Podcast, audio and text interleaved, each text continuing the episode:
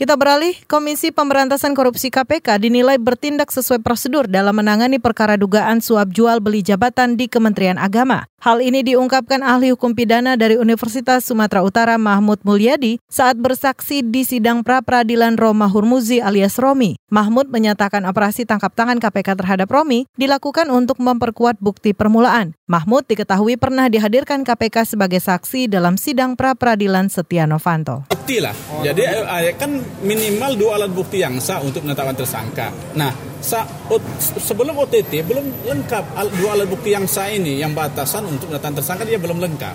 Makanya ada OTT, OTT kepada seseorang gitu loh. Bukan kepada tersangka. Kalau penangkapan kepada sese, pada seseorang. Kalau dia tertangkap tangan, tertangkap tangan itu kepada seseorang yang statusnya belum tersangka. Tapi kalau penangkapan statusnya sudah tersangka. Sementara itu kuasa hukum Romi Magdir Ismail tetap bersikukuh KPK melakukan tindakan di luar hukum. Contohnya penyidik sudah melakukan penyadapan meski belum ada surat penyelidikan. Menurutnya KPK tidak berwenang melakukan penyelidikan, penyidikan, serta penuntutan terhadap Romi. Sidang akan dilanjutkan Jumat besok dengan agenda pembacaan kesimpulan.